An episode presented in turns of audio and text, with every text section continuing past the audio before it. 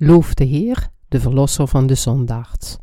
Romeinen hoofdstuk 7, vers 14 tot en met hoofdstuk 8, vers 2. Want wij weten dat de wet geestelijk is, maar ik ben vleeselijk, verkocht onder de zonde. Want hetgeen ik doe, dat ken ik niet. Want hetgeen ik wil, dat doe ik niet. Maar hetgeen ik haat, dat doe ik. En indien ik hetgene doe dat ik niet wil, zo stem ik de wet toe dat zij goed is. Ik dan doe datzelfde nu niet meer, maar de zonde die in mij woont. Want ik weet dat in mij, dat is in mijn vlees, geen goed woont. Want het willen is wel bij mij, maar het goede te doen, dat vind ik niet. Want het goede dat ik wil, dat doe ik niet, maar het kwade dat ik niet wil, dat doe ik. Indien ik hetgene doe dat ik niet wil, zo doe ik nu hetzelfde niet meer, maar de zonde die in mij woont. Zo vind ik dan deze wet in mij, als ik het goede wil doen, dat het kwade mij bijligt. Want ik heb een vermaak in de wet Gods naar den inwendige mens, maar ik zie een andere wet in mijn leden, welke strijdt tegen de wet mijns gemoeds en mij gevangen neemt onder de wet der zonde die in mijn leden is. Ik dank God door Jezus Christus onze Heere, zodan ik zelf dien wel met het gemoed de wet Gods, maar met het vlees de wet der zonde. Zo is er dan nu geen verdoemenis voor degenen die in Christus Jezus zijn, die niet naar het vlees wandelen, maar naar den geest. Want de wet des geestes des levens in Christus Jezus heeft mij vrijgemaakt van de wet der zonde en des doods. De mens is een zondaard die de zonde heeft geërfd. Alle mensen erfden de zonde van Adam en Eva en zij werden het zaad van de zonde. We zijn dus oorspronkelijk geboren als de nakomelingen van zonde en zullen onvermijdelijk zondige wezens worden. Niemand in de wereld kan er iets aan doen dat ze zondaards worden vanwege die ene voorouder, Adam, hoewel niemand een zondaard wil zijn. Wat is de oorsprong van zonde? Die erven we van onze ouders. We worden geboren met zonden in ons hart. Dit is de overgeërfde aard van zondaars. We hebben twaalf soorten van zonden overgeërfd van Adam en Eva. En deze zonden, overspel, ontucht, moord, diefstal, hebzucht, allerlei kwaadaardigheid, bedrog, losbandigheid, afgunst, lastering, hoogmoed en dwaasheid, zijn aanwezig in ons hart vanaf het moment dat we geboren worden. De fundamentele aard van de mens is zonde. We worden dus geboren met twaalf soorten zonden. We kunnen alleen maar beleiden dat we zondaard zijn, omdat we geboren zijn met zonde in ons hart. Een mens wordt als een zondaard geboren en is onvermijdelijk een zondaard omdat hij of zij van oorsprong zonde in zich heeft, zelfs als hij of zij niet zijn of haar hele leven zondigt. Men is een zondaard omdat men geboren is met zonde in het hart. Zelfs als we niet zondigen met ons vlees, kunnen we niet voorkomen dat we zondaard zijn, omdat God naar het hart kijkt. Alle mensen zijn dus zondaard voor God. De mens begaat de zonden van overtreding. Een mens begaat ook de zonde van overtredingen. Hij of zij begaat zonden met het vlees, voortkomend uit de erfzonde van binnenin. We noemen deze zonden ongerechtigheden of overtredingen. Het zijn de overtredingen van onze uiterlijke gedrag die voortkomen uit de twaalf soorten zonden van ons hart. De slechte zonden van binnenin zorgt ervoor dat een mens wetteloze daden begaat en maakt daardoor alle mensen zonder uitzondering tot zondaards. Een mens lijkt geen zonder te zijn als hij of zij nog heel jong is.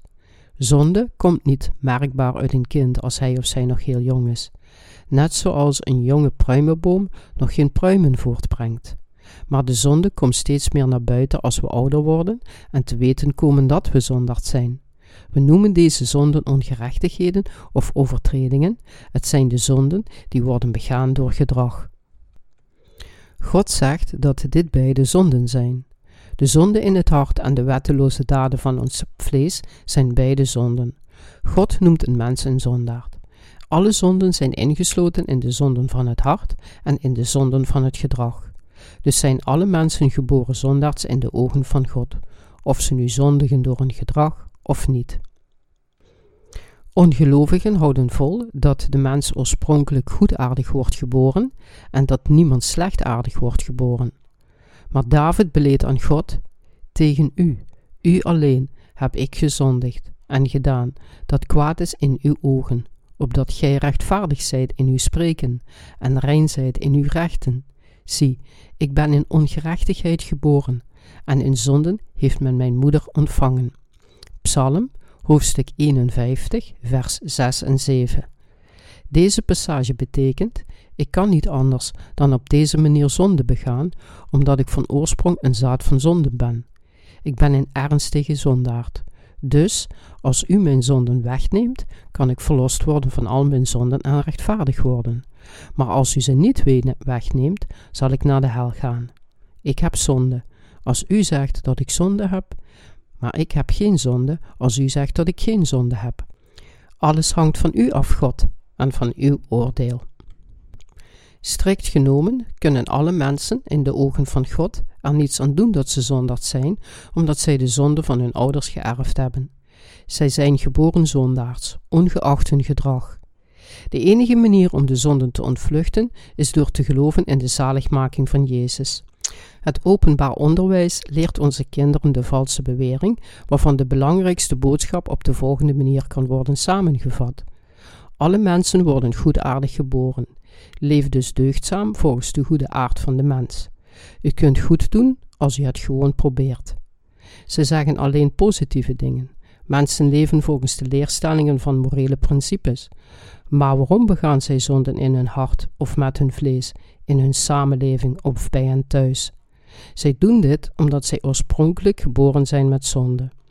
Mensen worden geboren als het zaad van de zonde. Een mens kan niet anders dan zonden begaan, hoewel hij of zij goed wil doen. Dit bewijst dat we geboren zijn met zonde. U moet uzelf kennen. Mensen kunnen hun hele leven lang niet anders dan zondigen met het vlees, omdat zij geboren zijn met zonde. Dit is de oorspronkelijke toestand van de mens. We moeten onszelf eerst kennen. Socrates zei: Ken uzelf. En Jezus zei: U bent een zondaard, omdat u ontvangen bent in zonde en voortgebracht in ongerechtigheid. U moet dus de vergeving van uw zonden ontvangen. Ken uzelf. De meeste mensen begrijpen zichzelf verkeerd. Bijna alle mensen leven en sterven zonder zichzelf te kennen. Alleen wijze mensen kennen zichzelf. Zij die de waarheid van Jezus ontvangen en erin geloven nadat ze te weten zijn gekomen dat ze het zaad van kwaaddoeners zijn, zijn de wijzen. Zij hebben het recht om het koninkrijk van de hemel binnen te gaan.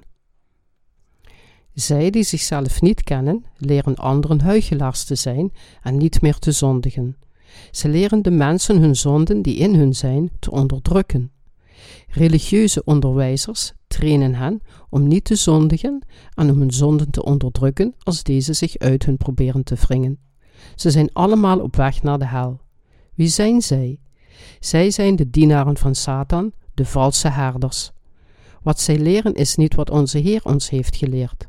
Natuurlijk vertelde onze Heer ons niet te zondigen, maar hij zei ook: U hebt zonde. U bent een zondaard en het loon van de zonde is de dood. U bent op weg naar de ondergang vanwege uw zonden. U moet dus verlost worden van uw zonden. Ontvang het geschenk van de zaligmaking die u redt van al uw zonden. Dan zullen al uw zonden vergeven zijn en u zult het eeuwige leven ontvangen. U wordt een rechtvaardige, waardevolle heilige en Gods kind. Waarom gaf God de wet aan de mens? Paulus zei: Maar de wet is bovendien ingekomen opdat de misdaad te meerder worden. En waar de zonde meerder geworden is, daar is de genade veel meer overvloedig geweest. Romeinen hoofdstuk 5, vers 20. God gaf ons de wet, zodat onze zonden, die erdoor onthuld worden, ons nog zondiger zouden maken. Romeinen hoofdstuk 7, vers 13. Hij gaf de zondaard zijn wet, zodat zij hun zonden serieus zouden herkennen. God gaf de wet aan de Israëlieten toen de nakomelingen van Jacob in de woestijn leefden, na de Exodus. Hij gaf 613 soorten van geboden. Waarom gaf God de mens de wet? God gaf hen de wet ten eerste omdat hij hun zonden wilde laten erkennen, maar daar zij zich niet van hun zonden bewust waren, en ten tweede omdat zij met zonden geboren zijn. De tien geboden van de wet laten zien wat voor een ernstige zondaars mensen zijn. Gij zult geen andere goden voor mijn aangezicht hebben. Gij zult u geen gesneden beeld, nog enige gelijkenis maken van hetgeen boven in de hemel is, nog van hetgeen onder op de aarde is, nog van hetgeen in de wateren onder de aarde is. Gij zult u voor die niet buigen, noch gaan dienen, want ik, de Heere, uw God, ben een ijverige God, die de misdaad der vaderen bezoek aan de kinderen, aan de derden en aan het vierde lid der degen, die mij haten, en doe barmhartigheid aan duizenden dergenen, die mij liefhebben en mijn geboden onderhouden. Gij zult de naam des Heeren uw Gods niet ijdelijk gebruiken, want de Heere zal niet onschuldig houden die zijn naam ijdelijk gebruikt. Gedenkt den Sabbatdag, dat gij dien heiligt. Zes dagen zult gij arbeiden en al uw werk doen, maar de zevende dag is de Sabbat des Heeren uw Gods. Dan zult u geen werk doen, gij, nog uw zoon, nog uw dochter, nog uw dienstknecht, nog uw dienstmaag, nog uw vee, nog uw vreemdeling die in uw poorten is. Want in zes dagen heeft de Heer den hemel en de aarde gemaakt, de zee en al wat daarin is, en hij rustte den zevende dagen. Daarom zegende de Heere den Sabbatdag en heiligden denzelven. Eert uw vader en uw moeder, opdat uw dagen verlengd worden in het land dat u de Heere, uw God, geeft. Gij zult niet doodslaan, gij zult niet echt breken, gij zult niet stelen, gij zult geen valse getuigenis spreken tegen uw naaste. Gij zult niet begeren uw naastens huis, gij zult niet begeren uw naastens vrouw, noch zijn dienstknecht, noch zijn dienstmaag, noch zijn ogs, noch zijn ezel, nog iets dat uw naasten is. Exodus, hoofdstuk 20, vers 3 tot en met 17. God gaf ons allemaal de wet en hierdoor leerde Hij ons precies welk soort zonden we in ons hart hebben. God leerde ons dat we totale zondaard zijn voor God en Hij verlichtte ons van de waarheid dat we zondaard zijn, omdat we ons niet aan de wet kunnen houden. Is het voor een mens mogelijk zich aan de wet van God te houden?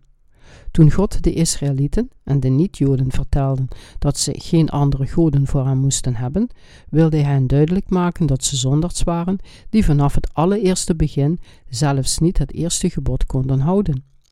Door de geboden kwamen ze erachter dat zij meer van andere schepsel hielden dan van de schepper.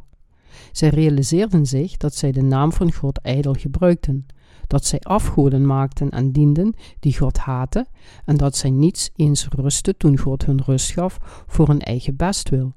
Ze kwamen er ook achter dat zij hun ouders niet eerden, dat zij moorden, overspel pleegden en dat zij alle onwettige daden deden waarvan God hun had gezegd ze niet te doen. Kortom, ze konden zich niet aan de wet van God houden. De wet heerst over diegenen wiens zonden nog niet vergeven zijn. Begrijpt u nu waarom God ons de wet gaf? God gaf de wet in de eerste plaats aan diegenen die niet wedergeboren zijn. Weet gij niet, broeders, want ik spreek tot degenen die de wet verstaan, dat de wet heerst over den mens zolange tijd als hij leeft?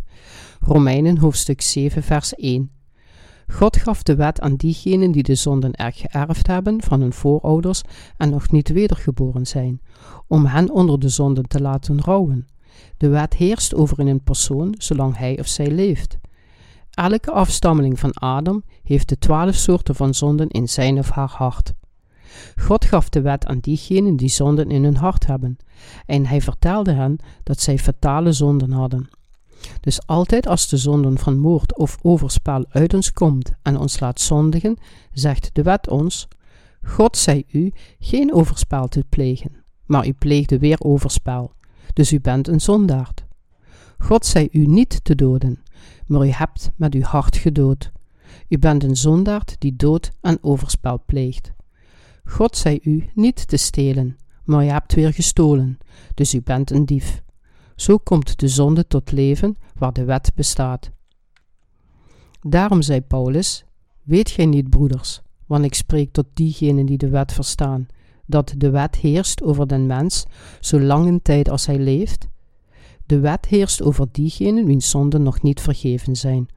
Voor de niet-Joden die Gods wet niet kenden, wordt voor hen hun geweten de wet. Als zij kwaad doen, vertelt hun geweten hen dat ze hebben gezondigd.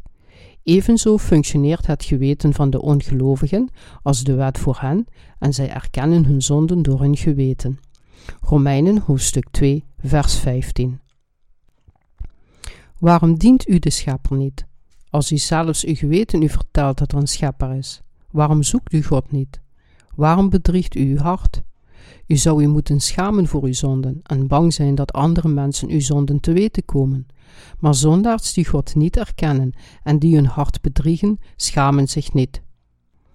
We schamen ons als we naar de hemel, de aarde, andere mensen of enig ander schepsel kijken als we zonde hebben. God gaf de mensen het geweten en de wet van het geweten wijst de zonde aan. Maar de meeste van hen leven zonder God, spelen de huichelaar in de ogen van God en leven zoals zij dat willen. Zij zullen naar de hel gaan.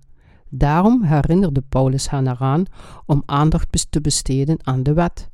Weet gij niet, broeders, want ik spreek tot diegenen die de wet verstaan, dat de wet heerst over den mens zo lange tijd als hij leeft. Een mens moet twee keer geboren worden. Eén keer als een zondaard, en dan moet hij wedergeboren worden door de genade van Gods verlossing, om als een rechtvaardig persoon te leven. Paulus legde uit hoe de Heer ons op de volgende manier van de vloek van de wet van de zonden heeft gered. Want een vrouw die onder den man staat, is aan den levende man verbonden door de wet. Maar indien de man gestorven is, zo is zij vrijgemaakt van de wet des mans. Daarom dan, indien zij eens anderen mans wordt, terwijl de man leeft, zo zal zij een overspeelster genaamd worden.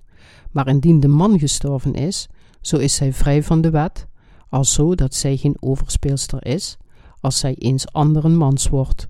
Romeinen hoofdstuk 7, vers 2 en 3. Als een getrouwde vrouw een verhouding heeft, wordt ze een overspelige vrouw genoemd. Maar als haar man dood is en ze trouwt dan met een andere man, dan is daar niets mis mee. Dezelfde logica geldt voor onze verlossing van de wet van de zonde. De wet heerst over alle nakomelingen van Adam, wiens zonden nog niet vergeven zijn. Het zegt hun: Jullie zijn zondaars. Dus gaan zij hun zondigheid onder de wet beleiden, terwijl ze zeggen: Ik moet naar de hel gaan. Ik ben een zondaard. Het is normaal dat ik naar de hel ga vanwege het loon van mijn zonden. Maar als we dood zijn aan de wet door het lichaam van Christus, kan de wet niet langer over ons heersen, omdat onze oude ik gekruisigd werd met Christus door in hem gedoopt te worden. Onze oude ik is dood. Onze Heer zorgde voor onze oude echtgenoten en hij stelde ons in staat met hem te trouwen. Zodan, mijn broeders, gij zijt ook ter wet gedood door het lichaam van Christus, opdat gij zou worden eens anderen, namelijk desgenen die van de dood opgewekt is, opdat wij goden vruchten dragen zouden. Romeinen hoofdstuk 7 vers 4 God gaf de wet aan alle mensen die met zonden geboren worden door een gemeenschappelijke voorvader Adam, zodat de zonde door het gebod nog meer zou worden geopenbaard. Hij liet hen onder het oordeel van God verblijven, maar hij redde hen door het lichaam van Christus. Jezus Christus stierf in onze plaats. Is het niet juist dat wij volgens de wet van God naar de hel gaan? Dat is waar. De Heer werd echter naar de wereld gestuurd, nam al onze zonden met zijn doopsel in de Jordaan op zich, werd gekruisigd, veroordeeld en vervloekt door de toorn van de wet in onze plaats. Hierdoor en alleen hierdoor kunnen we nu gered en wedergeboren worden door hierin te geloven. Zij die niet wedergeboren zijn, moeten naar de hel gaan. Ze zouden in Jezus moeten geloven en gered moeten worden. We moeten één keer met Jezus Christus sterven. Als onze oude ik niet eerst sterft, kunnen we geen nieuwe schepsels worden en het koninkrijk van de hemel binnengaan. Als onze oude ik niet veroordeeld is geworden volgens de wet door ons verenigd geloof in Jezus, moeten we veroordeeld worden en naar de hel gestuurd worden. Alle mensen die niet wedergeboren zijn, moeten naar de hel gaan. Ongelovigen leven goed. genieten van alles dat een goed leven kan geven, maar zij maken zich geen zorgen over hun eeuwige straffen. Alle mensen zouden de vergeving van zonden door de Heer Jezus moeten ontvangen terwijl ze op deze aarde leven. Iedere oude ik moet één keer in verenigd met Jezus sterven door geloof, omdat we niet wedergeboren kunnen worden na ons vertrek van deze wereld. We moeten één keer gedood en verlost worden van onze zonden door ons geloof in Jezus Christus. Door wie? Door het lichaam van Jezus Christus. Hoe? Door te geloven dat Jezus naar deze wereld kwam en al onze zonden wegnam. Bent u dood? Is er iemand die nog niet dood is? U zult zich afvragen: hoe kan ik dood zijn? Hoe kan ik nu leven als ik dood ben? Dit is het geheim. Het is het mysterie dat geen enkele religie ooit kan oplossen. Alleen de wedergeborenen kunnen zeggen dat hun oude ik al dood is in vereniging met Jezus. Zondaars kunnen alleen wedergeboren worden en hun oude ik kan alleen dood zijn als ze luisteren naar Gods woord van de wedergeborenen. En hierdoor kunnen zij de dienaren van God worden. Alle mensen moeten naar het woord van God door de wedergeborene heilige luisteren. U kunt niet wedergeboren worden als u hun leer negeert. Zelfs Paulus kon niet wedergeboren worden zonder Christus, hoewel hij het woord van God van Gamaliel heeft geleerd, een van de meest prominente leraren van de wet in die tijd. Wij zijn zo dankbaar. We kunnen de vruchten van de gerechtigheid voor God voortbrengen door in Jezus Christus te geloven, die uit de dood is opgestaan, als we doodgaan door het lichaam van Jezus Christus door geloof. We kunnen dan de negen soorten vruchten van de Heilige Geest voortbrengen. De zondige begeerten in onze leden waren aan het werk om vrucht te dragen tot de dood. Want toen wij in het vlees waren, vrochten de bewegingen der zonden, die door de wet zijn in onze leden, om den dood vruchten te dragen. Romeinen hoofdstuk 7, vers 5.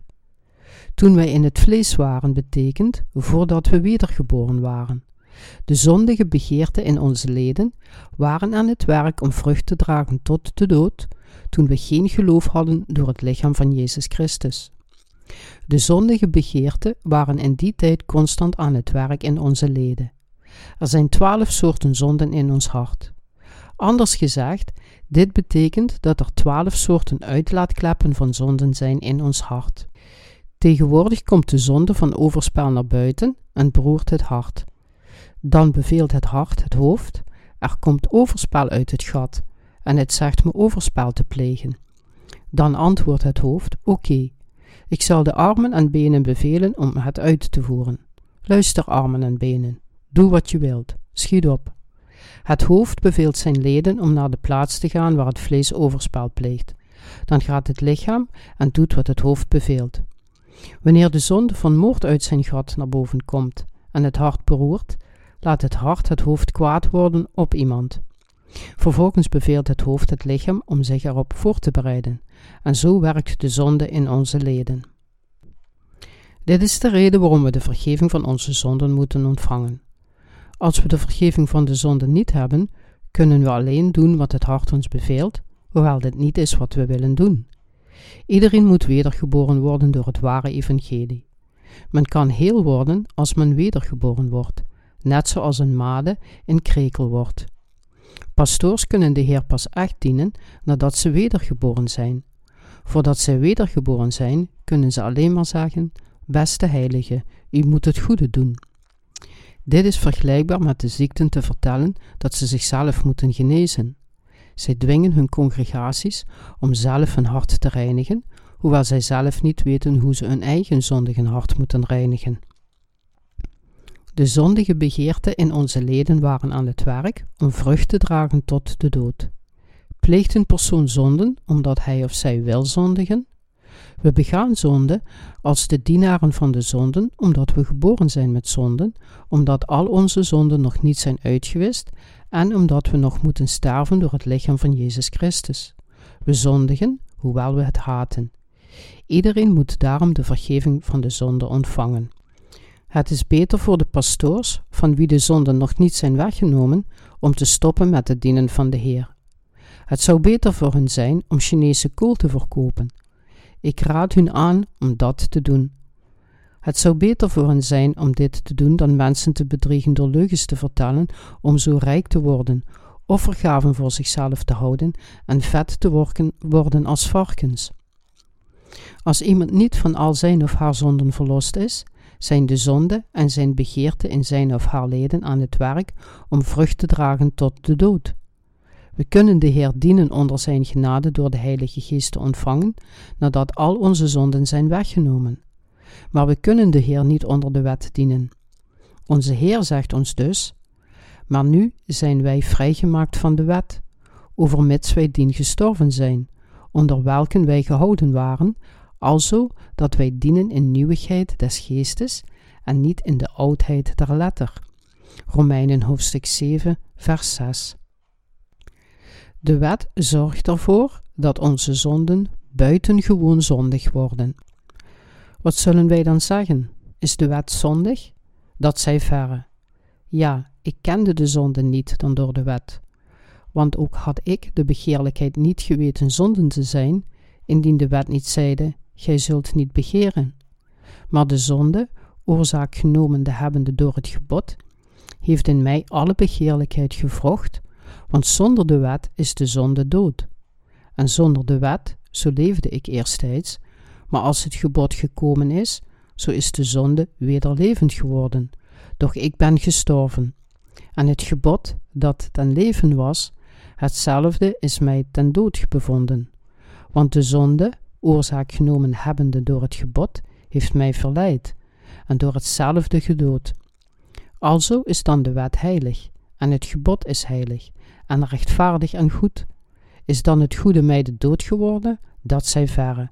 Maar de zonde is mij de dood geworden, opdat zij openbaard worden zonde te zijn, werkende mij door het goede de dood. Opdat de zonde bovenmate werd zondigde door het gebod. Romeinen hoofdstuk 7, vers 7 tot en met 13. Paulus zei dat God ons de wet gaf om onze zonden buitengewoon zondig te maken. Hij zei ook: Daarom zal uit de werken der wet geen vlees gerechtvaardigd worden voor hem, want door de wet is de kennis der zonden. Romeinen hoofdstuk 3, vers 20. De meeste christenen proberen echter volgens de wet te leven, terwijl ze de gerechtigheid van de wet navolgen. Dus veel pastoors die niet wedergeboren zijn, zijn er zeker van dat mensen ziek worden vanwege hun ongehoorzaamheid aan de wet, en dat ze van hun ziekte kunnen herstellen als ze een alleen maar naar de wet zouden leven. Kunnen we echt concluderen dat onze ongehoorzaamheid aan de wet al onze ziekten veroorzaakt? Veel christenen priesters en ook hun volgelingen denken dat dingen niet goed gaan omdat zij gefaald hebben volgens het woord van God te leven. Zij denken dat zij ziek zijn vanwege hun zonden, dus zijn ze bang voor de zonden. Ze huilen elke dag. Ze kunnen net zo goed een passage aan de Bijbel toevoegen die zegt: Huil altijd, huil zonder te stoppen, huil bij alles. Ook al zegt de Bijbel: Verblijd u ten alle tijd, bid zonder ophouden, dank God en alles, want dit is de wil van God en Christus Jezus over u. 1 Thessalonicensen hoofdstuk 5 vers 16 tot en met 18 Maar valse pastoors leren de mensen nog meer te huilen, te huilen zonder te stoppen, alsof de rimpels van het huilen een indicatie is voor hun geloof. Diegenen met een legalistisch geloof beweren dat huilers een goed geloof hebben. Valse pastoors die niet wedergeboren zijn, wijzen een vrouw die goed kan huilen aan als het hoofddiaken en een mannelijke christen die ertoe neigt in tranen uit te barsten tot ouderen. Huil niet in de kerk, huil thuis, als u werkelijk huilen moet. Waarom werd Jezus gekruisigd? Om ons tot huilenbalken te maken? Natuurlijk niet. Jezus nam al onze verdriet, vloeken, ziekten en pijnen voor eens en altijd weg zodat we door zijn kruisiging niet meer hoeven te huilen en in plaats daarvan gelukkig kunnen leven. Waarom huilen ze dan? Ze moeten terug naar huis gestuurd worden als ze proberen te huilen in de wedergeboren kerk van God. Wat is het verschil tussen de wedergeborenen en zij die niet wedergeboren zijn? De wet is nooit verkeerd. De wet is heilig. De wet is echt rechtvaardig, terwijl wij allemaal niet rechtvaardig zijn. We zijn het tegenovergestelde van de wet, omdat we met zonde zijn geboren als de nakomelingen van Adam. We doen wat we niet zouden moeten doen, terwijl we niet kunnen doen wat we zouden moeten doen. De wet zorgt ervoor dat we buitengewoon zondig worden. Want wij weten dat de wet geestelijk is, maar ik ben vleeselijk, verkocht onder de zonde. Want hetgeen ik doe, dat kan ik niet. Want hetgeen ik wil, dat doe ik niet. Maar hetgeen ik haat, dat doe ik. En indien ik hetgene doe dat ik niet wil, zo stem ik de wet toe dat zij goed is. Ik dan doe datzelfde nu niet meer, maar de zonde die in mij woont. Want ik weet dat in mij, dat is in mijn vlees, geen goed woont. Want het willen is wel bij mij, maar het goede te doen, dat vind ik niet. Want het goede dat ik wil, dat doe ik niet, maar het kwade dat ik niet wil, dat doe ik. Indien ik hetgene doe dat ik niet wil, zo doe ik nu hetzelfde niet meer, maar de zonde die in mij woont. Zo vind ik dan deze wet in mij, als ik het goede wil doen, dat het kwade mij bijligt. Want ik heb een vermaak in de wet Gods naar den inwendige mens. Maar ik zie een andere wet in mijn leden, welke strijdt tegen de wet mijns gemoeds en mij gevangen neemt onder de wet der zonde, die in mijn leden is. Ik ellendig mens, wie zal mij verlossen uit het lichaam deze doods? Romeinen hoofdstuk 7, vers 14 tot en met 24. Voorafgaand aan deze passage zegt Paulus dat wij allemaal, inclusief hijzelf, één keer door de wet moeten worden veroordeeld. Hij zegt dat alleen diegenen die alle toren en oordelen van de wet hebben ontvangen door het lichaam van Jezus Christus, de vruchten van gerechtigheid voor God kunnen dragen. Hij zei ook dat er niets goeds in hem aanwezig was en dat iemand die niet wedergeboren is, niet anders kan dan zondigen. Net zoals iemand die wedergeboren is. Maar er is een duidelijk verschil tussen de twee. Zij die wedergeboren zijn, hebben zowel het vlees als de geest.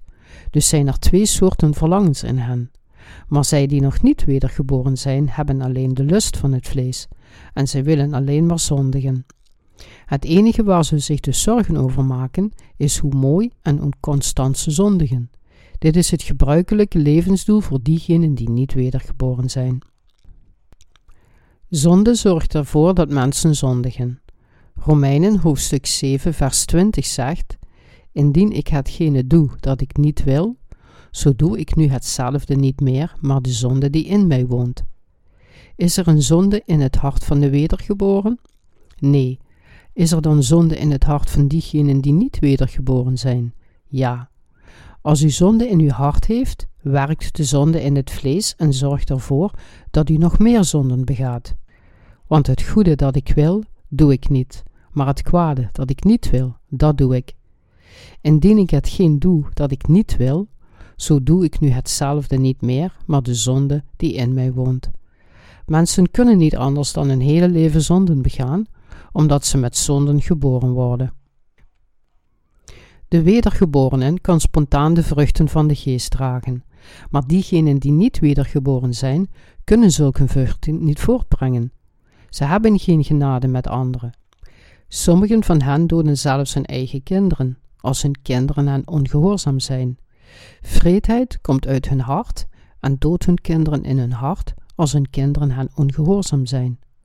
Hoewel ze hun kinderen niet echt doden, met hun hart vermoorden ze hen talloze keren. Begrijpt u wat ik hier wil zeggen? Maar de rechtvaardigen kunnen zoiets niet doen. Ze kunnen ruzie krijgen, maar ze kunnen en willen niet zo'n vreed hart hebben dat gevuld is met zoveel bitterheid en woede zoals anderen dat hebben. In plaats daarvan willen de rechtvaardigen met hun hart genaden met de mensen hebben, zelfs met diegenen met wie ze ruzie hebben over hun verschillende meningen. Zo vind ik dan deze wet in mij, als ik het goede wil doen, dat het kwade mij bijlegt. Romeinen hoofdstuk 7, vers 21.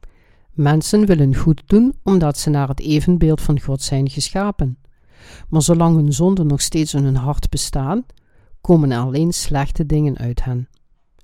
Christenen die niet wedergeboren zijn, praten met elkaar en betreuren: Ik wil echt goed doen, maar ik kan het niet. Ik weet niet waarom ik het niet kan. Ze moeten weten dat zij dit niet kunnen omdat zij zondags zijn die nog niet gered zijn. Ze kunnen niet goed doen omdat ze zonden in hun hart hebben. De wedergeborenen hebben zowel de verlangens van de geest als de lusten van het vlees, maar diegenen die nog niet zijn wedergeboren hebben de geest niet. Dit is het grote verschil dat de wedergeboren onderscheidt van diegenen die dat niet zijn. Paulus spreekt in hoofdstuk 7 over de toestand toen hij nog niet wedergeboren was. Hij legt de wet uit vanaf Romeinen hoofdstuk 1 en verder en zegt dat hij niet het goede kon doen dat hij wilde doen, maar hij deed het slechte dat hij niet wilde doen. Met andere woorden, Paulus had geen verlangen om te zondigen en wilde alleen het goede doen, en toch kon hij alleen maar doen wat hij niet wilde doen, terwijl hij in zijn hart onmogelijk vond om te doen wat hij echt wilde doen. Ik ellendig mens, wie zal mij verlossen uit het lichaam deze doods? Hij betreurde dit treurige lot van hem, maar loofde onmiddellijk de Heer door te zeggen: Ik dank God door Jezus Christus onze Heere.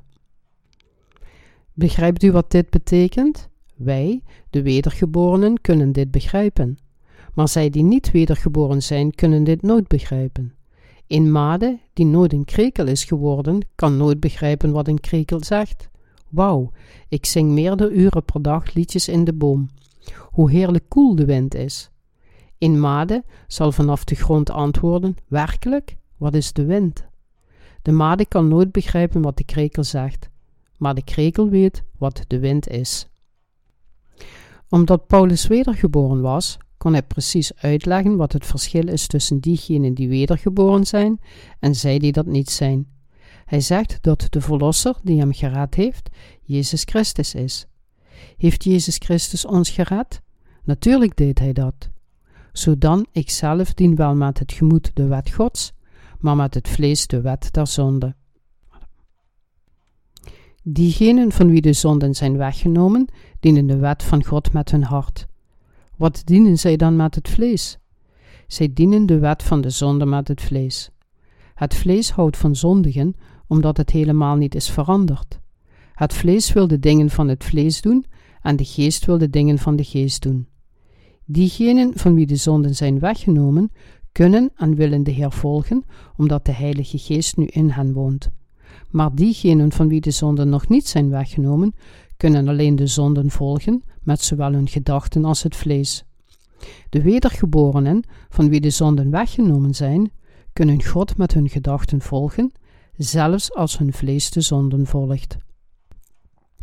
De wet van de geest van leven in Jezus Christus heeft ons vrijgemaakt van de wet van zonde en dood. Laten we voorlopig even naar Romeinen hoofdstuk 8 1 gaan. Diegenen van wie de zonden zijn weggenomen door in de zaligmaking van Jezus Christus te geloven, worden niet langer veroordeeld door de wet van God, hoewel zij geboren zondaard zijn. Zo is er dan nu geen verdoemenis voor diegenen die in Christus Jezus zijn, die niet naar het vlees wandelen, maar naar den geest. Want de wet des geestes des levens in Christus Jezus heeft mij vrijgemaakt van de wet der zonde en des doods. Romeinen hoofdstuk 8, vers 1 en 2. Er is daarom nu geen veroordeling voor diegenen die in Christus Jezus zijn. Er is geen veroordeling.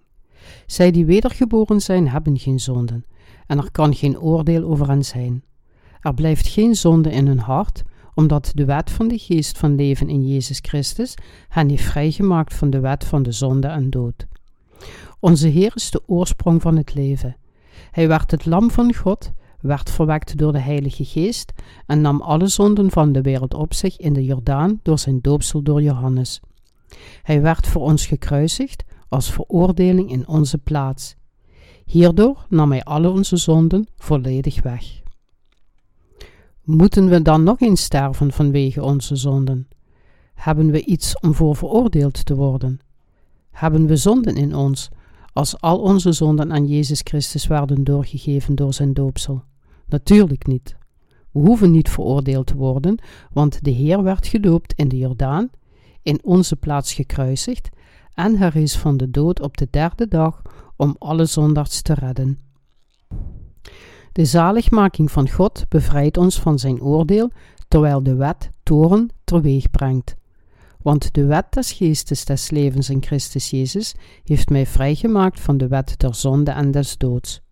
De toren van God wordt geopenbaard aan diegenen die zonden hebben. God stuurt hen naar de hel.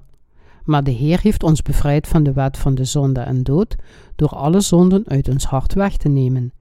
Hij maakte de gelovigen die in Christus Jezus zijn vrij van zonden. Zijn uw zonden weggenomen? Want hetgeen der wet onmogelijk was, terwijl zij door het vlees krachteloos was, heeft God zijn zoon zendende in gelijkheid des zondiges vleeses, en dat voor de zonde, de zonde veroordeeld in het vlees, opdat het recht der wet vervuld zou worden in ons, die niet naar het vlees wandelen, maar naar den geest. Romeinen hoofdstuk 8, vers 3 en 4. Onze Heer vertelt ons hier duidelijk dat het vlees zwak is en de rechtvaardige eis van de wet niet kan gehoorzamen. De wet van God is zeker goed en mooi, maar we kunnen er niet naar leven omdat ons vlees te zwak is. De wet van God vereist dat we perfect zijn. Het vereist dat we de volledige gehoorzaamheid van Gods wet bereiken, maar ons vlees kan niet naar alle vereisten van de wet leven vanwege zijn zwakheid. De wet brengt dus zijn toren over ons. Maar waar is Jezus voor, als we toch veroordeeld worden? God stuurde zijn enige geboren zoon om ons te redden. God gaf ons zijn gerechtigheid door zijn eigen zoon te sturen in de gelijkenis van zondig vlees vanwege hun zonden. Jezus werd naar de wereld gestuurd in de gelijkenis van het vlees. Hij veroordeelde de zonde in het vlees. God gaf al onze zonden door aan Jezus, zodat de rechtvaardige eis van de wet vervuld kon worden in diegenen die niet naar het vlees wandelen, maar naar den geest. Onze zonden zijn weggenomen door ons geloof in Jezus Christus met ons hart. Onze zonden werden uitgewist als we erkennen wat Jezus Christus voor ons gedaan heeft. Diegenen die naar de geest leven en diegenen die naar het vlees leven. Er zijn twee soorten christenen: zij die hun eigen gedachten volgen en zij die het woord van de waarheid volgen. De laatsten kunnen worden gered en rechtvaardig worden, terwijl de eersten zullen omkomen. Want die naar het vlees zijn, bedenken dat het vleeses is, maar die naar de geest zijn, bedenken dat het geestes is. Want het bedenken des vleeses is de dood, maar het bedenken des geestes is het leven en vrede. Romeinen hoofdstuk 8, vers 5 en 6. Zij die denken dat het geloven in God is om volgens de wet te leven, kunnen nooit volmaakt zijn, want die naar het vlees zijn, bedenken dat het vlees is. Het zijn de dingen des vleeses om alleen de uiterlijke ik te reinigen. Zij die dat doen, stoffen de Bijbel af en gaan elke zondag naar de kerk met hun heilige gang, hoewel ze vechten met hun vrouw en thuis slecht zijn. Ze worden op zondag engeltjes. Hallo, hoe gaat het? Fijn u nog eens te zien. Ze zeggen vaak amen als hun pastoor met een heilige stem en op een genadige manier predikt.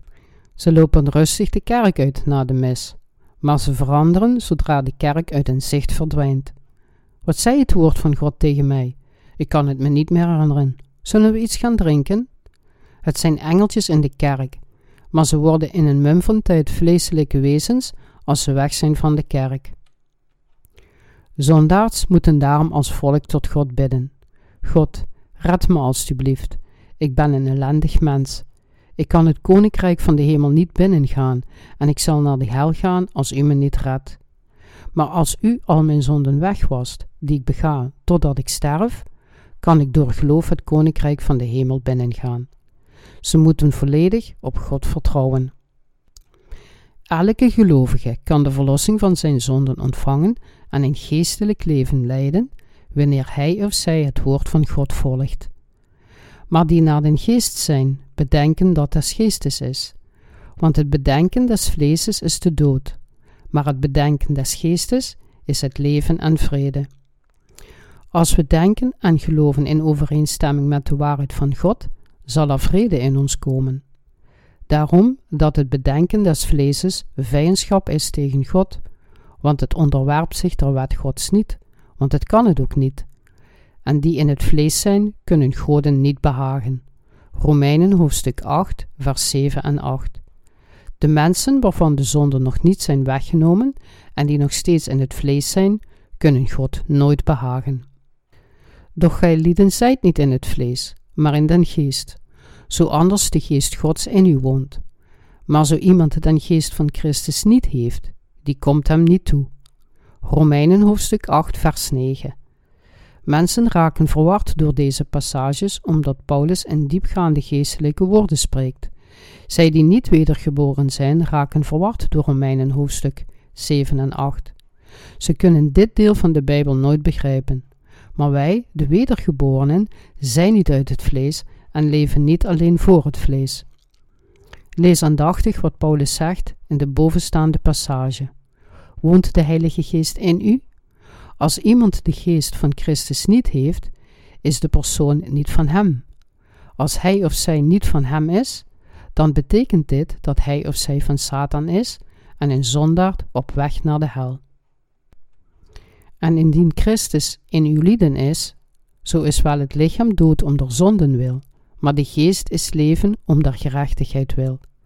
En indien de geest desgenen die Jezus uit de doden opgewekt heeft in u woont, zo zal hij, die Christus uit de doden opgewekt heeft, ook uw sterfelijke lichamen levend maken door zijn geest die in u woont. Romeinen hoofdstuk 8, vers 10 en 11. Amen. Onze Heer werd verwekt door de Heilige Geest, werd naar de wereld van het vlees gezonden en nam al onze zonden weg. De Heer is in de harten van de gelovigen gekomen, die in de zaligmaking van de zonden geloven, en zit in elk van hun harten. De Heilige Geest komt in het hart en getuigt dat onze Heer Jezus al onze zonden heeft weggewassen en dat ons hart zo rein is als sneeuw. God zal ook ons vlees leven geven als Jezus weer naar de wereld komt. En indien de geest desgenen die Jezus uit de doden opgewekt heeft in u woont, zo zal Hij, die Christus uit de doden opgewekt heeft, ook uw sterfelijke lichamen levend maken door zijn geest die in u woont. De geest getuigt met onze geest dat we kinderen van God zijn. We moeten leven door het geloof in God en door de Heilige Geest nadat we wedergeboren zijn. Zo dan, broeders, wij zijn schuldenaars niet aan het vlees, maar naar het vlees te leven. Want indien gij naar het vlees leeft, zo zult gij sterven. Maar indien gij door den geest de werkingen des lichaams doodt, zo zult gij leven. Want zoveel als er door den geest Gods geleid worden, die zijn kinderen Gods. Want gij hebt niet ontvangen den geest der dienstbaarheid wederom tot vrezen, maar gij hebt ontvangen den geest der aanneming tot kinderen, door welken wij roepen, Abba Vader. Dezelfde geest getuigt met onze geest dat wij kinderen God zijn. En indien wij kinderen zijn, zo zijn wij ook erfgenamen, erfgenamen van God en mede-erfgenamen van Christus, zo wij anders met Hem lijden, opdat wij ook met Hem verheerlijkt worden. Romeinen hoofdstuk 8, vers 12 tot en met 17. Wij roepen uit, Abba, Vader, omdat we de geest van de adoptie hebben ontvangen en niet de geest van de slavernij en angst. Dezelfde geest getuigt met onze geest dat wij kinderen God zijn. Allereerst getuigt de Heilige Geest dat we de vergeving van zonden hebben ontvangen door het concrete woord van God. De tweede getuige is dat we geen zonden hebben. De Geest heeft getuigd dat we verlost zijn. De Heilige Geest heeft dat gedaan in de harten van diegenen van wie de zonden zijn weggenomen. Er is niemand rechtvaardig, ook niet één. Romeinen hoofdstuk 3, vers 10. Dit is waar, maar dit is voordat God ons verlost. Onder deze passage staat geschreven: en worden om niet gerechtvaardig uit Zijn genade door de verlossing die in Jezus Christus is. Romeinen hoofdstuk 3, vers 24. Er staat ook geschreven dat de Geest zelf getuigt dat wij de kinderen van God zijn. De Geest komt naar ons als we in ons hart toegeven wat God voor ons gedaan heeft. Maar als we het niet geloven, is de Geest nergens in ons te vinden. Als we in ons hart ontvangen wat God voor ons gedaan heeft, getuigt de Geest: U bent rechtvaardig. U bent een van mijn kinderen. U bent gerecht. U bent mijn volk. Zo zijn wij ook erfgenamen, erfgenamen van God en mede-erfgenamen van Christus, zo wij anders met hem lijden, opdat ook wij met hem verheerlijkt worden. Het is volkomen juist dat Gods kinderen naar de Heer lijden en ook met hem verheerlijkt worden. Zij die de Heilige Geest hebben en geleid worden door de Geest, vestigen hun hoop op de toegang tot het Koninkrijk van de Hemel. We leven in de hoop van het duizendjarige Koninkrijk en het Koninkrijk van de Hemel, ondanks het lijden van deze huidige tijd. Laten we Romeinen hoofdstuk 8, vers 18 tot en met 25 eens bekijken. Want ik houde het daarvoor dat het lijden deze tegenwoordige tijds niet is te waarderen tegen de heerlijkheid die aan ons zal geopenbaard worden. Want het schepsel, als met opgestoken hoofden, verwacht de openbaringen der kinderen Gods. Want het schepsel is der ijdelheid onderworpen, niet gewillig, maar om diens wil, die het der ijdelheid onderworpen heeft, op hoop dat ook het schepsel zelf zal vrijgemaakt worden van de dienstbaarheid der verderfenis, tot de vrijheid der heerlijkheid der kinderen Gods. Want wij weten dat het ganse schepsel tezamen zucht en tezamen als in een barensnood is tot nu toe.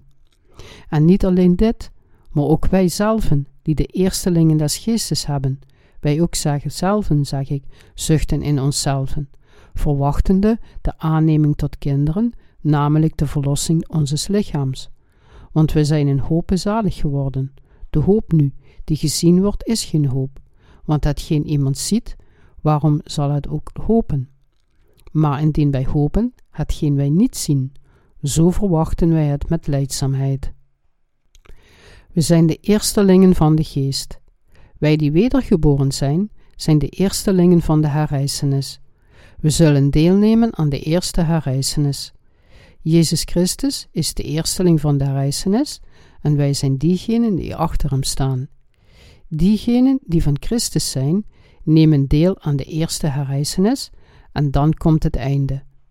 De goddenlozen zullen deelnemen aan de tweede herrijzenis om veroordeeld te worden. Dat is waarom Paulus zegt: Want ik houde het daarvoor dat het lijden deze tegenwoordige tijds niets is te verderen tegen de heerlijkheid die aan ons geopenbaard zal worden. Met de heerlijkheid verwijst hij hier naar het duizendjarige koninkrijk en het koninkrijk van de hemel. We zullen allemaal veranderen als die gezegende tijd komt. De kinderen van God zullen volledig uit de dood herrijzen, en elk van hen zal het eeuwige leven van de Heer ontvangen. Het vlees zal werkelijk weer herrijzen van de dood. Onze zielen zijn al herrezen uit de dood. God zal alle dingen vernieuwen en de rechtvaardigen zullen voor duizend jaar gelukkig als koningen leven. Alle schepselen van het universum wachten op de manifestatie van Gods kinderen. De schepping zal worden veranderd zoals wij zullen worden veranderd. Er zal geen pijn, lijden of dood zijn in de tijd van het duizendjarige koninkrijk. Maar we kreunen nu. Waarom? Omdat het vlees nog steeds zwak is. Waarom kreunen onze zielen? Zij kreunen voor de verlossing van ons lichaam. En niet alleen dit, maar ook wij zelven, die de eerstelingen des geestes hebben. Wij ook zelven, zeg ik, zuchten in onszelven, verwachtenden de aanneming tot kinderen, namelijk de verlossing onzes lichaams. Want wij zijn in hoop zalig geworden. De hoop nu, die gezien wordt, is geen hoop. Want hetgeen iemand ziet, waarom zal hij het ook hopen? Maar indien wij hopen hetgeen wij niet zien, zo verwachten wij het met leidzaamheid. Romeinen hoofdstuk 8, vers 23 tot en met 25. Wij wachten rijkhalsend op de adoptie, want we zijn gered met deze hoop. Wij, van wie de zonden volledig zijn weggenomen, zullen het duizendjarige koninkrijk en het koninkrijk van de hemel binnengaan. We zullen niet omkomen, zelfs niet als deze wereld plotseling eindigt. Onze Heer zal aan het einde van de wereld weer naar deze wereld komen. Hij zal alle dingen nieuw maken en het vernieuwde vlees van de rechtvaardigen laten opstaan. Hij zal ze duizend jaar laten regeren. Het einde van deze wereld is wanhoop voor zondaars, maar nieuwe hoop voor de rechtvaardigen. Paulus hoopte erop. Kreunt u en wacht u op de verlossing van uw lichaam? Wacht de geest ook? We zullen veranderen in geestelijke lichaam, zoals het herrezen lichaam van Jezus Christus, zonder pijn of zwakte te voelen. De Heilige Geest helpt de rechtvaardigen om geloof te hebben. De Heilige Geest helpt ons geloof te hebben. Hopen we op wat we zien? Nee, we hopen op wat we nog niet kunnen zien. En desgelijks komt ook de Geest onze zwakheden mede te hulp. Want wij weten niet wat wij bidden zullen, gelijk het behoort, maar de Geest zelf bidt voor ons met onuitsprekelijke zuchtingen. En die de harten doorzoekt, weet welke de mening des Geestes zij, terwijl hij naar God voor de heiligen bidt. Romeinen hoofdstuk 8, vers 26 en 27. Wat wil de Geest werkelijk in ons? Waarom helpt Hij ons? Waarop hoopt u? We hopen op nieuwe hemelen en een nieuwe aarde. 2 Petrus, hoofdstuk 3, vers 13. Het koninkrijk van de hemel. We willen niet meer in deze vergankelijke wereld leven. We zijn moe en dus hopen we op de dag van onze Heer. We willen eeuwig leven zonder zonde, zonder ziekte, zonder kwade geest. We willen daar gelukkig leven met vreugde, vrede, liefde en zachtmoedigheid in volledige broederschap met de Heer Jezus en met elkaar. Dus kreunt de geest en bemiddelt voor ons, wachtend op de nieuwe hemelen en een nieuwe aarde. Eerlijk gezegd hebben wij, de rechtvaardigen, geen plezier in deze wereld, behalve misschien af en toe in een partijtje voetbal met onze mededienaren van God. We leven op aarde omdat we geïnteresseerd zijn in het prediken van het evangelie. Maar behalve deze grote opdracht hebben de rechtvaardigen geen reden om hier op deze aarde te zijn. God laat alle dingen goed samenwerken voor de wedergeborenen die Hem liefhebben. Laten we Romeinen hoofdstuk 8, vers 28 tot en met 30 lezen. En wij weten dat dengenen die God liefhebben, alle dingen medewerken ten goede, namelijk dengenen die naar zijn voornemen geroepen zijn. Want die hij tevoren gekend heeft, die heeft hij ook tevoren verordeneerd, des beeldes des zoons gelijkvormig te zijn, opdat hij de eerstgeborene zij onder velen broederen. En die hij tevoren verordeneerd heeft, deze heeft hij ook geroepen. En die hij geroepen heeft, deze heeft hij ook gerechtvaardigd. En die hij gerechtvaardigd heeft, deze heeft hij ook verheerlijkt. In Romeinen hoofdstuk 8, vers 28 zegt Paulus: En wij weten dat dengenen die God liefhebben, alle dingen medewerken ten goede, namelijk dengenen die naar zijn voornemen geroepen zijn. Deze passage is erg belangrijk. Veel mensen denken: waarom ben ik geboren? God had me op een plek moeten maken waar Satan niet bestond. En hij had me vanaf het begin moeten toelaten in het koninkrijk van de hemel. Waarom heeft hij mij zo gemaakt? Sommige mensen die in een slechte situatie zijn geboren, leven met wrok, eerst tegen hun ouders en daarna tegen God. Waarom liet u me geboren worden met zoveel leed? Deze passage geeft ons het juiste antwoord op zo'n vraag. We zijn geboren als schepselen van God. Is dit juist? We zijn Zijn schepping. God schiep ons naar Zijn beeld, naar de gelijkenis van God, maar we zijn nog steeds Zijn schepsels. Er is een doel voor God om ons in deze wereld te plaatsen. Het geschrift zegt, en wij weten dat dengenen die God liefhebben, alle dingen medewerken ten goede, namelijk dengenen die naar zijn voornemen geroepen zijn. We worden als zondaards geboren en we lijden omdat we de erfzonde van Adam en Eva, onze voorouders die bedrogen werden door de duivel, geërfd hebben. Maar God stuurde ons Jezus Christus om ons tot zijn kinderen te maken door geloof. Dit is het doel van zijn schepping. Hij is ook bereid om ons gelukkige en eeuwige levens van Goden te geven met Jezus Christus en God de Vader in het duizendjarige koninkrijk en het koninkrijk van de hemel.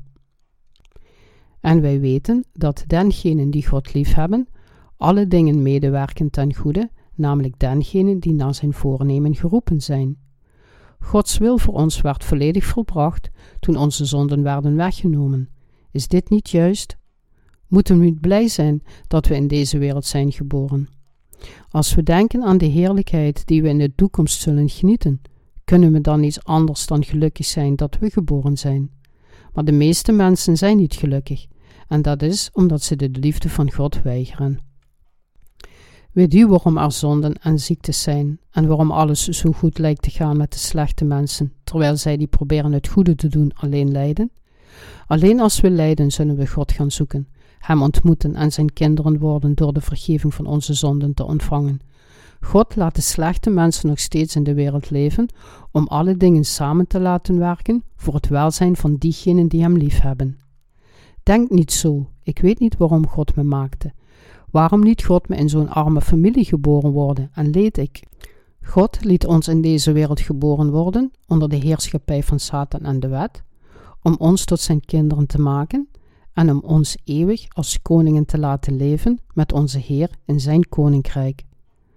Alle dingen werkten samen voor het goede en God heeft ons tot zijn kinderen gemaakt. Dit is het doel van God om ons zo te maken.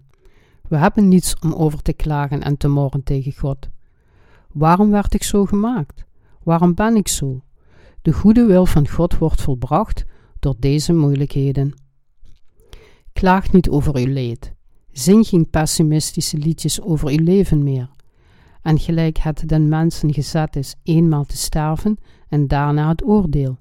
Hebreeën hoofdstuk 9 vers 27. Er is de genade van Gods redding tussen iemands geboorte en het oordeel. We geloven in Jezus Christus. Al onze zonden zijn weggenomen door Gods genade en we zullen eeuwig heersen in het duizendjarige koninkrijk en in het koninkrijk van de hemel. We zullen de Heer van alle schepping genoemd worden. Begrijpt u nu waarom God u liet leiden? Hij gaf ons leed en moeilijke tijden om ons te zegenen als zijn kinderen door ons terug te laten keren naar God. God heeft ons voorbestemd om gelijkvormig te zijn aan het beeld van zijn Zoon. Het kost niet veel tijd om de vergeving van zonden te ontvangen, gered te worden van het oordeel van God en rechtvaardig te worden. We zijn voor eens en altijd rechtvaardig gemaakt en we kunnen ogenblikkelijk door geloof Gods kinderen worden. De zaligmaking van God is niet het resultaat van een langdurig proces van onze eigen heiliging. God heeft ons voor eens en altijd gered en ons in één keer rechtvaardig gemaakt. Want die hij tevoren gekend heeft, die heeft hij ook tevoren verordeneerd, ten beelde zijn zoons gelijkvormig te zijn, opdat hij de eerstgeborene zij onder velen broederen. En die hij tevoren verordeneerd heeft, deze heeft hij ook geroepen. En die hij geroepen heeft, deze heeft hij ook gerechtvaardigd. En die hij gerechtvaardigd heeft, deze heeft hij ook verheerlijkt.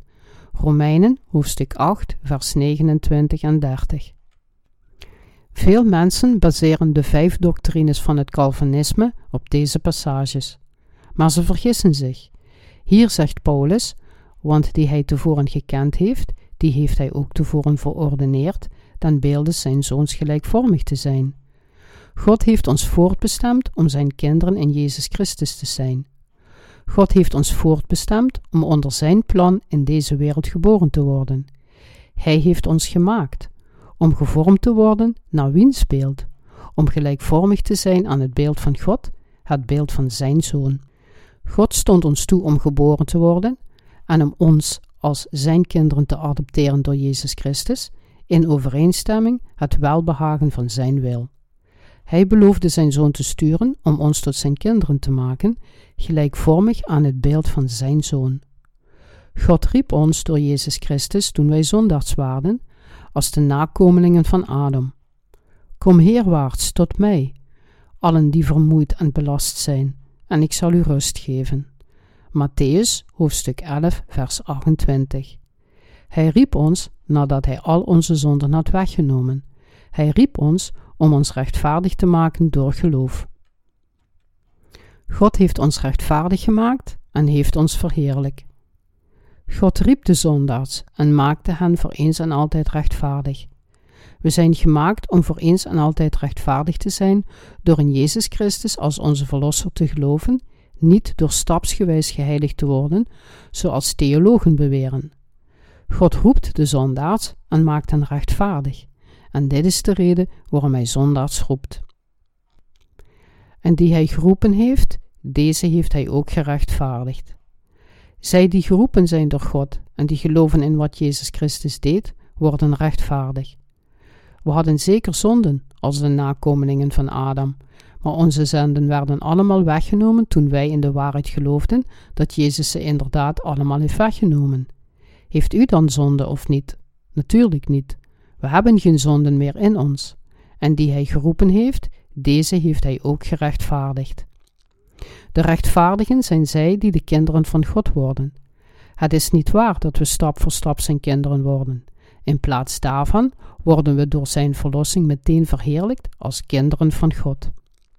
En die hij gerechtvaardigd heeft, deze heeft hij ook verheerlijkt. God heeft ons tot zijn kinderen gemaakt. Ik kan niet begrijpen waarom zoveel christenen geloven in de zogenaamde vijf stappen van de zaligmaking. Zaligmaking en het worden van Gods kinderen is voor eens en altijd gedaan. Het duurt even voordat we deelnemen in de herrijzenis van onze lichamen, want we moeten wachten op de terugkomst van onze Heer. Maar de verlossing van zonden wordt onmiddellijk bereikt, in een ogenblik.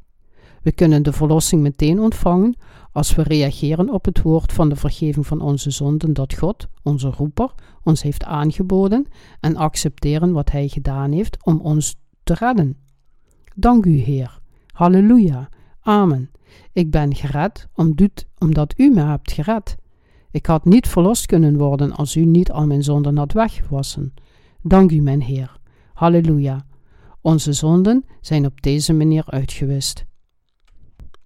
Voor de verlossing zijn onze daden nog onze tijd nodig. Onze daden spelen geen rol, nog niet voor 0,1% in onze verlossing. Calvinisten zeggen dat men stap voor stap rechtvaardig moet worden om verlost te worden en het koninkrijk van de hemel binnen te gaan. Net zoals een worm niet 100 meter in een seconde kan rennen, hoe hard hij ook zijn best doet, kunnen mensen niet op eigen kracht rechtvaardig worden, ongeacht hoe goed ze zijn of hoe hard ze ook hun best doen om zich aan de wet te houden. Een worm is nog steeds een worm, hoe hard hij zich ook wast en make-up aanbrengt met dure cosmetica. Zolang zondaards zonde in hun hart hebben, zijn ze nog steeds slechts zondaards, hoe goed zij ook lijken. Hoe kan een zondaard volledig rechtvaardig worden door stap voor stap geheiligd te worden? Wordt het vlees beter als de tijd verstrijkt? Nee, het vlees is goddeloos en slechter naarmate het ouder wordt. Maar de Bijbel zegt: En die hij tevoren verordeneerd heeft, deze heeft hij ook geroepen. En die hij geroepen heeft, deze heeft hij ook gerechtvaardigd. En die hij gerechtvaardigd heeft, deze heeft hij ook verheerlijkt.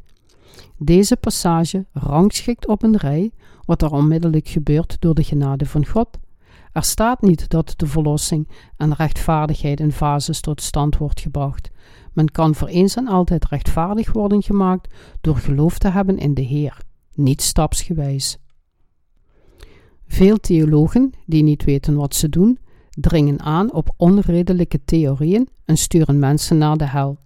God beloofde ons verlossing en riep ons door Jezus Christus, maakte ons rechtvaardig en verheerlijkte diegenen die naar voren komen om zijn roep te beantwoorden. Maar zoveel in hem aangenomen hebben, die heeft hij macht gegeven kinderen Gods te worden, namelijk die in zijn naam geloven. Johannes hoofdstuk 1 vers 12 heeft God ons verheerlijkt? Natuurlijk. Kunnen we verheerlijkt worden door goede daden te doen, door beproevingen? Moeten we meer onze best doen om rechtvaardig te worden? Natuurlijk niet. We zijn al rechtvaardig geworden. En niemand kan ons van de liefde van God scheiden. Wie kan tegen ons zijn als God voor ons is? Niemand.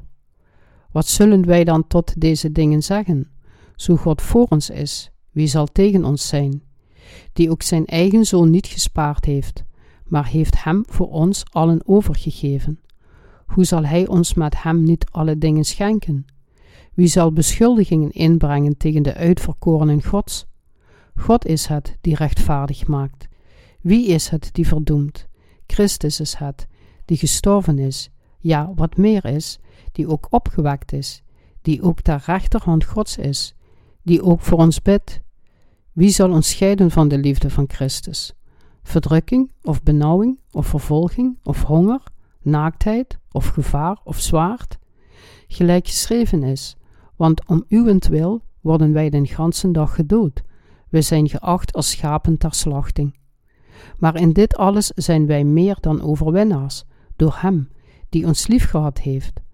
Want ik ben verzekerd, dat nog ten dood, nog leven, nog engelen, nog overheden, nog machten, nog tegenwoordige, nog toekomende dingen, nog hoogten, nog diepten, nog enig ander schepsel ons zal kunnen scheiden van de liefde Gods, welke is in Christus Jezus onze Heere. Romeinen hoofdstuk 8, vers 31 tot en met 39. Niemand kan ons van de liefde van God scheiden. Niemand kan ons, de rechtvaardigen, weer zondags maken. Niemand kan diegenen hinderen die de kinderen van God zijn geworden en die in het duizendjarige koninkrijk en het koninkrijk van de hemel zullen leven. Kan tegenspoed ons zondags maken, kan ellende ons zondags maken, kan vervolging ons zondags maken, kan honger, naaktheid, gevaar of het zwaard ons weer zondags maken. Die ook zijn eigen zoon niet gespaard heeft, maar heeft hem voor ons allen overgegeven hoe zal Hij ons ook met Hem niet alle dingen schenken? God geeft ons het koninkrijk van de hemel. Hij geeft ons vrijelijk alle dingen, omdat Hij zijn enige geboren zoon niet heeft gespaard om ons te redden. Als God bereid was om het grootste offer voor ons te maken, waarom zou Hij ons dan niet tot zijn kinderen maken? De verlossing die God aan ons schenkt is: God zegt dat om van onze zonden verlost te worden, we allereerst moeten erkennen dat Jezus Christus in het vlees gezonden werd, volgens de wil van God de Vader. Ten tweede moeten we erkennen dat Jezus al onze zonden op zich nam door zijn doopsel in de Jordaan. Ten derde moeten we erkennen dat Jezus voor ons gekruisigd werd en tenslotte dat Hij herrees.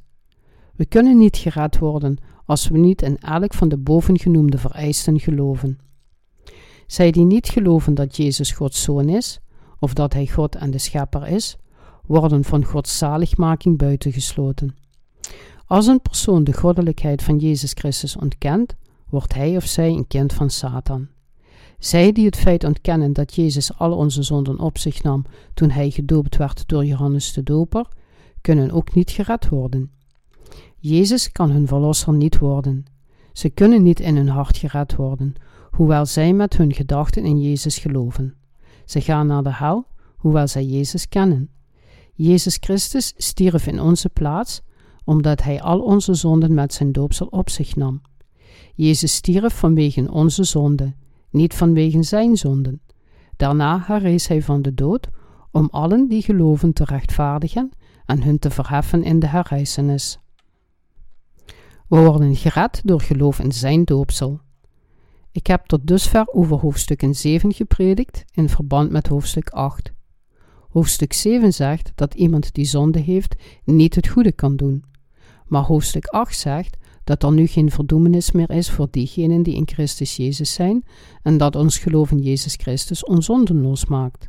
We zijn zwak en kunnen niet leven volgens Gods wil, dus stuurde God de Vader Jezus Christus als onze Verlosser en Hij nam al onze zonden op zich met zijn doopsel toen we nog zondags waren. We zijn van al onze zonden gered en rechtvaardig gemaakt door Jezus Christus. Dit is de waarheid die Paulus leert door de hoofdstukken 7 en 8. Zo is er dan nu geen verdoemenis voor diegenen die in Christus Jezus zijn, die niet naar het vlees wandelen, maar naar den geest. We hebben nu geen zonden. Bent u in Jezus Christus? Geeft u toe wat Jezus Christus voor u heeft gedaan? Net zoals Paulus verlost werd van zijn zonden, zijn al onze zonden ook weggenomen door ons geloof in het doopsel van Jezus en zijn bloed aan het kruis. We zijn verlost door in het doopsel te geloven, het bloed en de herrijzenis van Jezus. Als een persoon arrogant weigert om in het doopsel van Jezus Christus te geloven, en als de persoon volhoudt dat Jezus alleen gedoopt werd om zijn nederigheid te tonen, zal God die persoon naar de hel sturen. Wees niet arrogant tegenover het woord van God. Hoe kunnen predikanten en pastoors Jezus' doopsel negeren, terwijl Paulus er zelf zo vaak over sprak? Hoe konden ze het geloof van iemand minder dan Paulus negeren, een van de grootste voorvaderen van geloof? Hoe konden zij de leer van de dienaren van God, die God zelf tot een apostel heeft gemaakt, negeren? Als we over Jezus Christus willen prediken, moeten we prediken zoals in de Bijbel staat en we moeten volgens de Bijbel geloven. De Heer zegt ons: Jezus dan zeide tot de Joden die in hem geloofden: Indien gij lieden in mijn woord blijft, zo zijt gij waarlijk mijn discipelen. Johannes hoofdstuk 8, vers 31. U en ik zijn net als Paulus gaan geloven in Jezus' doopsel. Wanneer werden uw zonden aan het lichaam van Jezus Christus doorgegeven? Al onze zonden werden aan Jezus Christus doorgegeven toen hij door Johannes de Doper gedoopt werd. Jezus zei tegen Johannes: Laat nu af, want aldus betaamt het ons alle gerechtigheid te vervullen. Hier, want, aldus, is hotoschar in het Grieks, wat op deze manier het meest gepaste, of er is geen andere manier dan dit betekent. Dit woord verduidelijkt dat Jezus onomkeerbaar de zonden van de mensheid op zich nam door het doopsel dat hij van Johannes ontving. Doopsel betekent gewassen worden. Om alle zonden in ons hart weg te wassen, moeten onze zonden aan Jezus Christus worden doorgegeven. Jezus Christus nam deze zonden op zich, werd in onze plaats gekruisigd en in vereniging met ons begraven. Paulus verklaarde dus: Ik ben met Christus gekruist. Gelaten hoofdstuk 2, vers 20. Hoe konden we gekruisigd worden, terwijl het in feite Jezus was die aan het kruis ter dood werd gebracht? We zijn gekruisigd met Christus, omdat we geloven dat Jezus al onze zonden op zich nam en gekruisigd werd voor onze zonden. Ik loof de Heer, die me van al mijn zonden heeft gered. We kunnen het evangelie vrijmoedig prediken, omdat Jezus ons rechtvaardig maakte. Ik dank onze Heer, omdat Hij ons gered heeft. Hij heeft ons, wiens vlees zo zwak is en die zo tekortgeschoten zijn in Zijn heerlijkheid, van al onze zonden verlost. Amen.